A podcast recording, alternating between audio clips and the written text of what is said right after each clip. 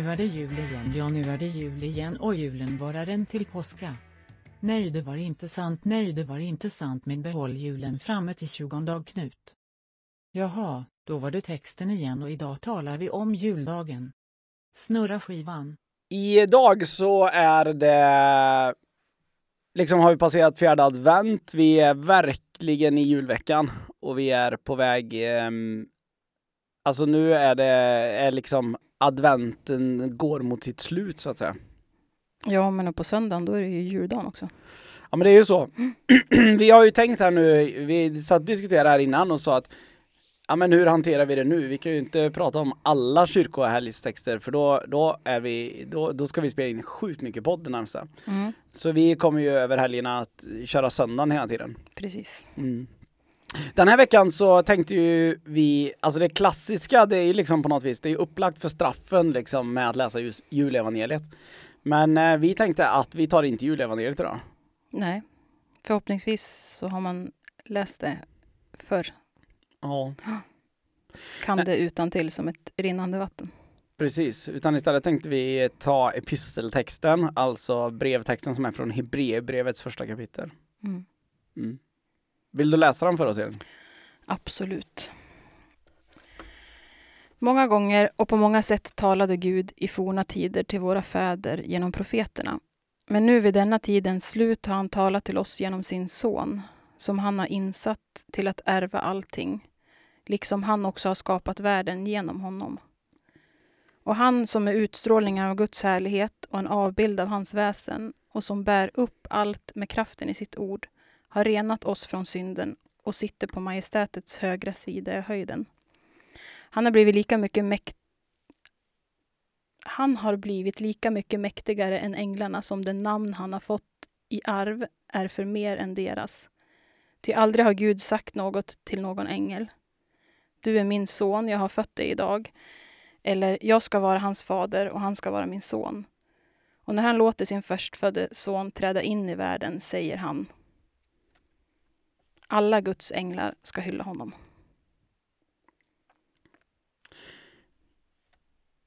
Det här är ju en eh, text som jag tycker är, eh, är fascinerande för att eh, det, fram, det första som jag tycker är fascinerande det är att det här är ju, så här börjar Hebreerbrevet 1. Mm. Eller Hebreerbrevet 1, så här börjar Hebreerbrevet helt och hållet. Um, att på något vis, eh, det här är ju en text som verkligen på något vis eh, skrivs till ett sammanhang. Mm. I det här fallet så är det ju skrivet till hebreerna, alltså till judar. Um, att någonstans um, att liksom att där det på något vis försöker, och jag tycker det är så fascinerande, de första tre verserna här liksom är ju en typ en utläggning verkligen av vad, vem är Jesus egentligen? Mm. Och hela, alltså typ nästan en sammanfattning av livet skulle jag säga. Mm. Och jag tänker att det är en, en fascinerande sak så här vid jul. När, eh, det här har ju du hört mig säga och i vår församling så har man hört mig säga det här till leda tror jag att vid jul så tenderar vi att vilja prata om Jesus barnet. Mm. Inte om Jesus. Mm. Utan det är Jesus barnet. Men att faktiskt se att det är precis samma människa vi talar om. Det är precis samma liksom det, det är ingen skillnad på personen som vi pratar om på jul, juldagen där när, när han föds eller på påskdagen han uppstår från de döda. Det är samma person. Mm. Men det finns någonting väldigt stort i att det just är det också. Jo, men är det inte det som gör att man väljer att fokusera på barnet då? För att på något vis påminna sig om den storheten. Att han kom som ett barn. Alltså det finns ju... Eh, det är någon kyrka i Nya Zeeland, tror jag det är, Mm. som har gjort så här... Eh, gjort så dramatiseringar med barn kring julevangeliet. Jag brukar visa det för tonåringar på Mm. julavslutningar. Eh, och då, ja, men då är det det att liksom Gud, Gud är bekymrad över vad, vad är det som håller på att hända i världen.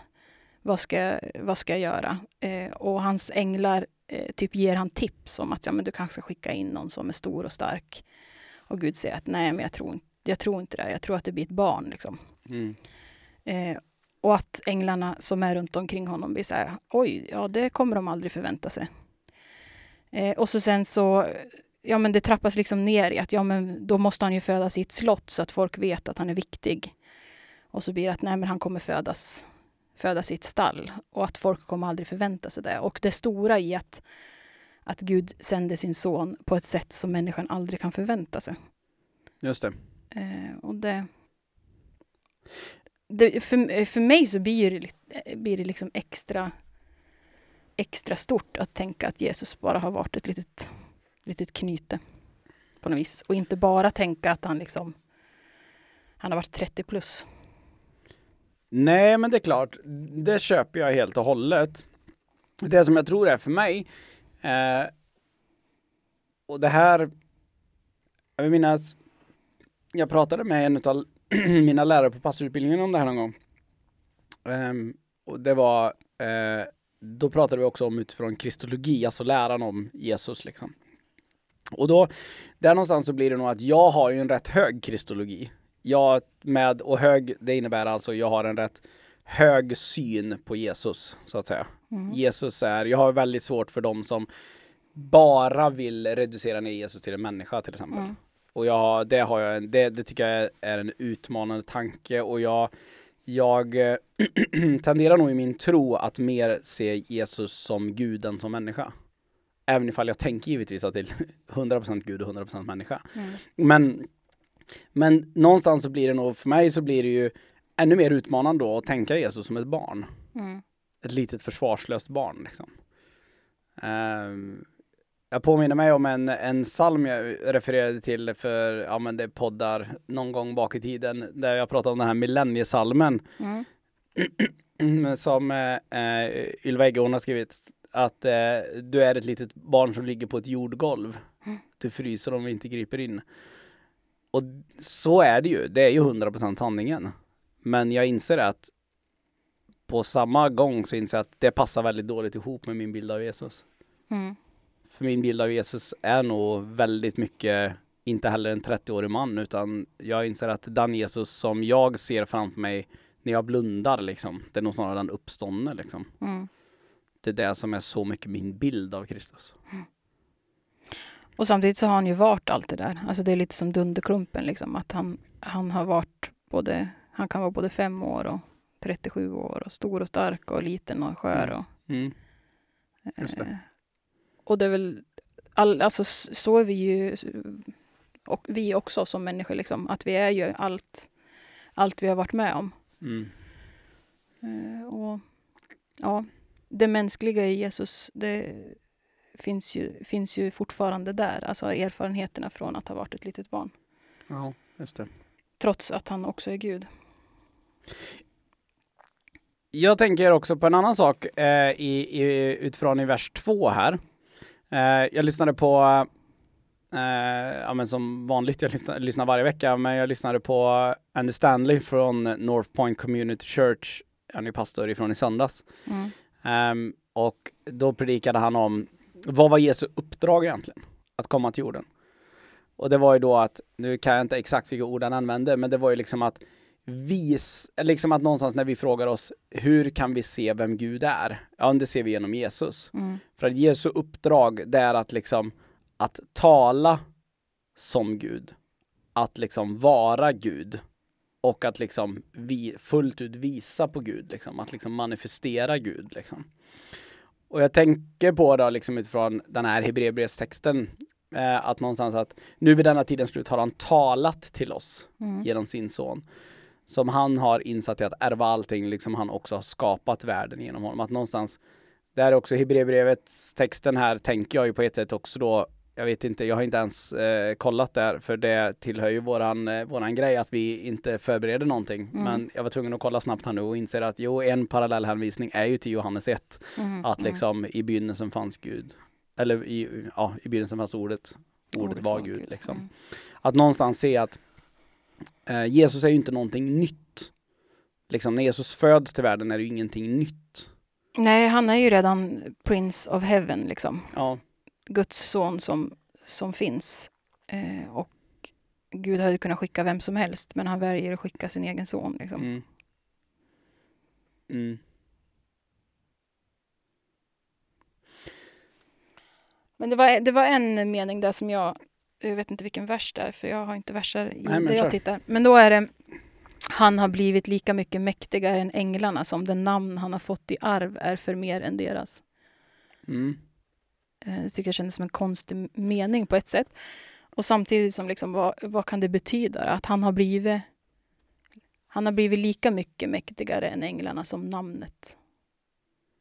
Jag behöver typ så här smaka på orden för att jag fattar dem inte riktigt tror jag. Kan du hjälpa mig? Han har blivit lika mycket mäktigare än änglarna som det namn han har fått i arv är för mer än deras. Jo, Att jag hans tänk- namn är starkare än deras och därför är hans makt Nej, men jag skulle starkare. säga så här, lika mycket som han, han är lika mycket mäktigare än änglarna. Om man tänker att det här blir ju, det blir en hierarkiordning på ett sätt. Mm, För att visa på att Jesus till och med står över änglarna så att säga. mm, Att någonstans visa på lika mycket, hans namn är lika mycket mäktigare än änglarna.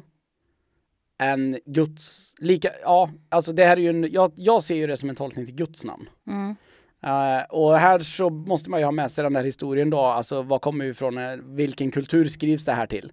Eh, och då skrivs det ju in i en kultur där man inte skriver ut, där man anser att man inte får skriva hela Guds namn. Liksom, Mm. judarna skriver ju inte hela, eller den liksom gammaltestamentliga judendomen i alla fall, jag vet inte hur det är idag, men man skriver inte ut sitt namn.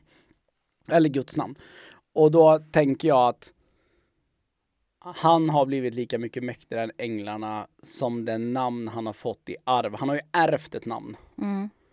Att ge, Gud med oss. Gud Namnet med Gud oss. med oss ja, är så pass starkt och mäktigt så att det gör honom mäktigare än alla änglarna. ja, Ja. exakt. Mm. Mm. och att det är någonstans att jag tänker att det där är en, om jag får liksom jag liksom bara, jag minns inte det här så väl och jag är nu är jag inte så påläst. Hebreerbrevet är inte det brevet jag är mest påläst på breven, det ska jag jag i ärlighetens namn säga.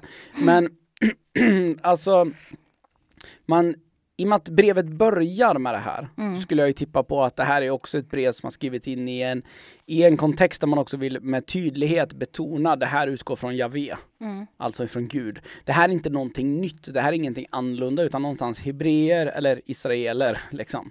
Det här står vid er och judendomen har ju en extremt stark, eh, men i den judiska kontexten är ju änglarna en väldigt stark sak.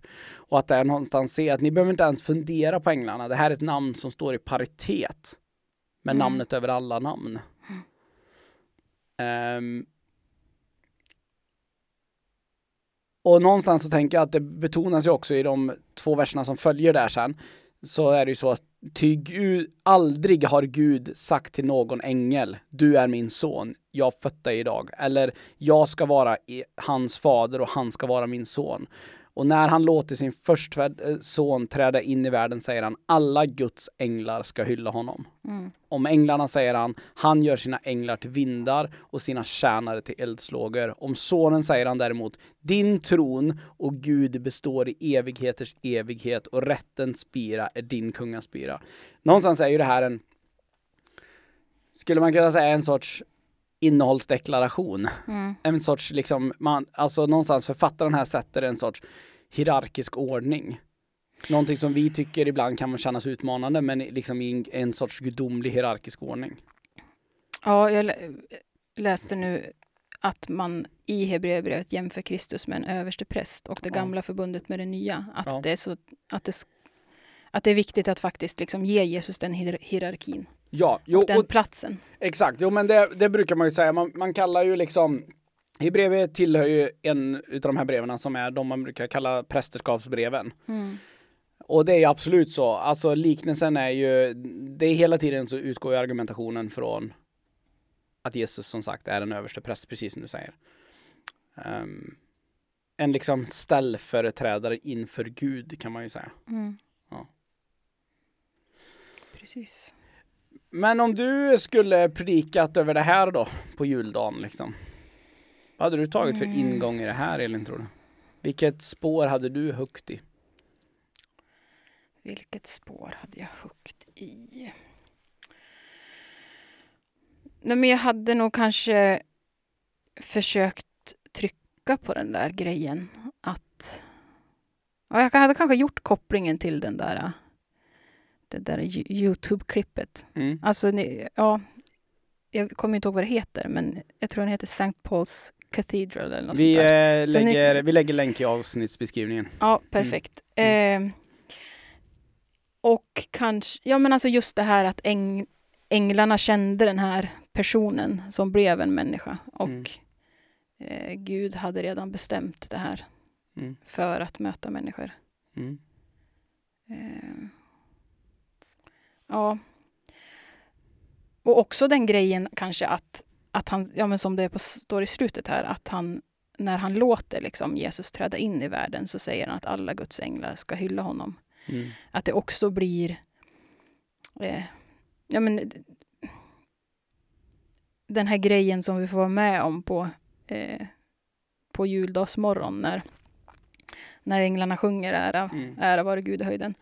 Eh, och, och som är med och genom hela Nya Testamentet, att änglarna hela tiden sjunger. Liksom. Mm. Eh, det hade jag kanske också försökt hitta någon, någon grej i. Mm. Mm. Mm. Vad hade du gjort? Ja, vad hade jag gjort? jag tror nog att jag hade, jag hade nog gjort en grej av eh, att um, använda den här texten, alltså det är ändå juldag också, där Mm. man på något vis, eh, jag hade nog använt den här texten för att och liksom bryta lite mot julevangeliet. Mm. Eh, som en hävstång liksom lite, att någonstans se att förstår vi hur otroligt konstigt det här är. Mm. Att liksom att Messias föds in i ett stall. Det är en, eh, det är en väg som är, är, eh, är totalt obegriplig i en hebreisk värld, eller Mm. liksom en israelisk värld. Att någonstans se att ehm, att någonstans eh, försöka peka på att ehm, ehm, det där lilla barnet som ligger där när liksom Hebreerbrevet, det Hebreerbrevets författare försöker göra här, det är ju kind of, om vi faktiskt ska peka på det här, det är ju att argumentera för att det där lilla barnet som ligger i den där krubban, Mm. det är Guds utvalda. Det är liksom den som Gud har satt på sin högra sida. Det är någon som har alltid funnits. Det är ett litet barn, men det är också en individ som alltid har funnits. Mm. Ehm, och det här är extremt, det är, liksom, det är en så stor sak det här. Ehm, så jag hade nog, eh, ja, men jag sa ju det för några veckor sedan, jag, jag, jag tänker nog välja det judiska spåret och jag hade nog valt lite av ett judiskt spår genom den här också.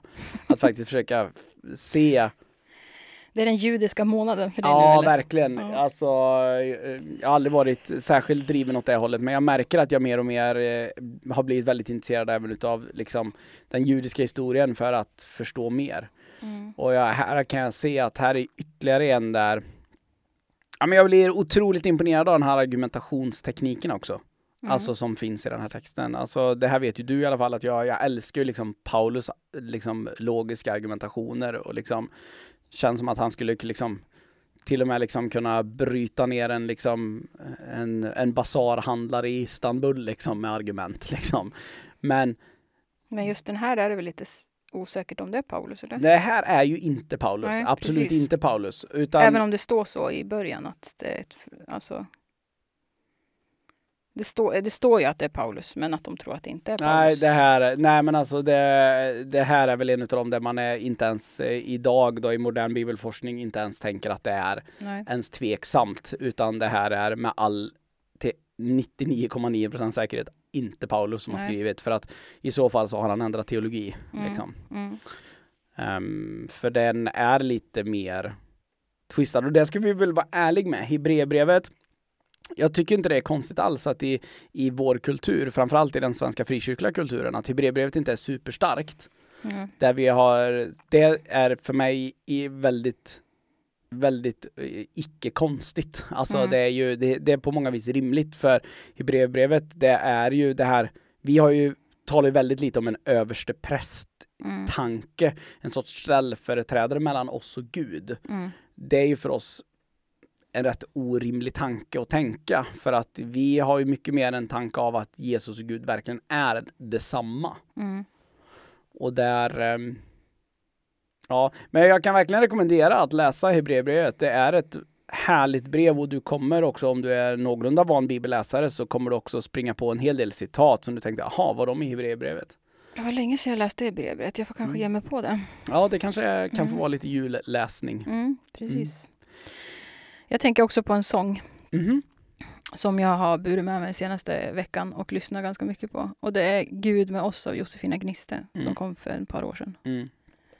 Eh, och det tänker jag också, alltså den skulle nog ha, varit ett måste, den Mm. gudstjänsten, för Mm. mig. Eh, att eh, du som ett ödmjukt barn kom ner till vår jord för att rädda oss. Mm. Emanuel, du är Gud med oss. Och just ja, men den här grejen att ja, men i refrängen så sjunger du kom hit, du tog din plats och vi får sjunga ut. Mm. Eh, det tror jag också att vi behöver påminnas om. Inte bara den här liksom förundran över att han är ett Jesusbarn som har kommit, utan också den här grejen att faktiskt sjunga ut det Mm. stora. Mm. Eh, det är så lätt att vi liksom, vi kanske tänker att det är stort och fint, men, men sjunger vi ära vare Gud i höjden själva liksom? Mm. Eh, låter, vi, låter vi det bli en, liksom, en lovsång i oss också? Mm. Det där stora som Gud har liksom beordrat alla änglar att de ska sjunga. Men Mm. hakar vi på det? Mm. Eh, ja. Nej men och i grunden där så tänker jag ju att ehm, ehm, man kan ju tycka olika om det där, men jag kommer ihåg eh, men en medlem hos oss som, eh, jag, behöver inte hänga ut personer med namn, men eh, du vet direkt vem jag syftar på Elin, när jag säger som inte är så här, går igång stenhårt på lovsång.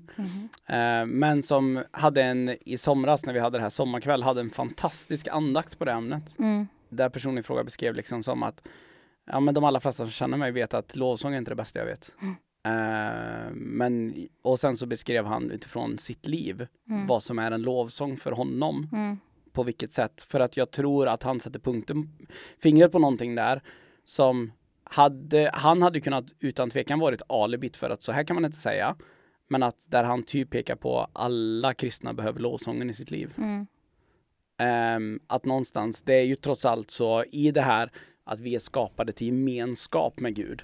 Mm. Så är det så också att vi är, det är inte bara att vi är kallade som att vi ska välja att lovsjunga. Utan någonstans också som ehm, vi är också, tänker jag, det är en, det är en an, jag tror att det är en sorts Alltså, det finns ett norskt uttryck som jag tycker är så vackert som heter nådepuls. Mm. Mm. Eh, som eh, som är typ liksom att någonstans lite det här att alltså det är sättet som liksom nåden når in i vårt liv liksom som en puls att vi ska leva i den. Mm. Liksom. Ja, du ehm, det här eh, var nog allt för idag tror jag. Mm. Hoppas att, eh, hoppas att du får en eh, fantastisk jul Elin. Och detsamma. Och Mm. alla som lyssnar. Ja, Mm. och ehm, eh, någonstans mitt i allting, det är så kladdigt att använda det engelska uttrycket remember the reason for the season, men någonstans faktiskt är, så skulle jag verkligen vilja uppmuntra dig att, ehm, att sätta dig ner någon gång på julafton. Mm. Ehm, att läsa julevangeliet, allvarligt talat, vad tar det? Tar det fem min? Fem nej, minuter kanske? nej, nej. Ännu kortare. Ja, om man läser det långsamt. Ja. Dyslektiker, fem minuter, nej. ja. Nej, det, skulle- tar, det tar längre tid att lyssna på en julsång tror jag. Ja, Mm. men jag skulle verkligen vilja uppmuntra till, inte bara lyssna på någon låt, Nej. läs. Mm. Ehm, något av det, eh, en sån här fin grej som jag minns, jag liksom inte, jag är ju liksom ingen stor julfirare liksom. Sådär. Men eh, ett eh, fint minne jag har från en jul när vi firade hos mina svärföräldrar, det var att min svärfar läste julevangeliet. Mm. Och att det där att faktiskt bara få stanna upp tillsammans, Mm. lyssna på det här. Ehm, är du en människa som ser dig som kristen, som troende, ja men unna dig det Mm. gärna ihop med, med någon nära och kär om du har det. För att jag tror att det händer någonting också när vi läser Bibeln högt, att vi uttalar orden. Och kolla på det här roliga klippet med barnen. Absolut, Mm. som som sagt finns i avsnittsbeskrivningen. Absolut. Du Elin, God jul. god jul.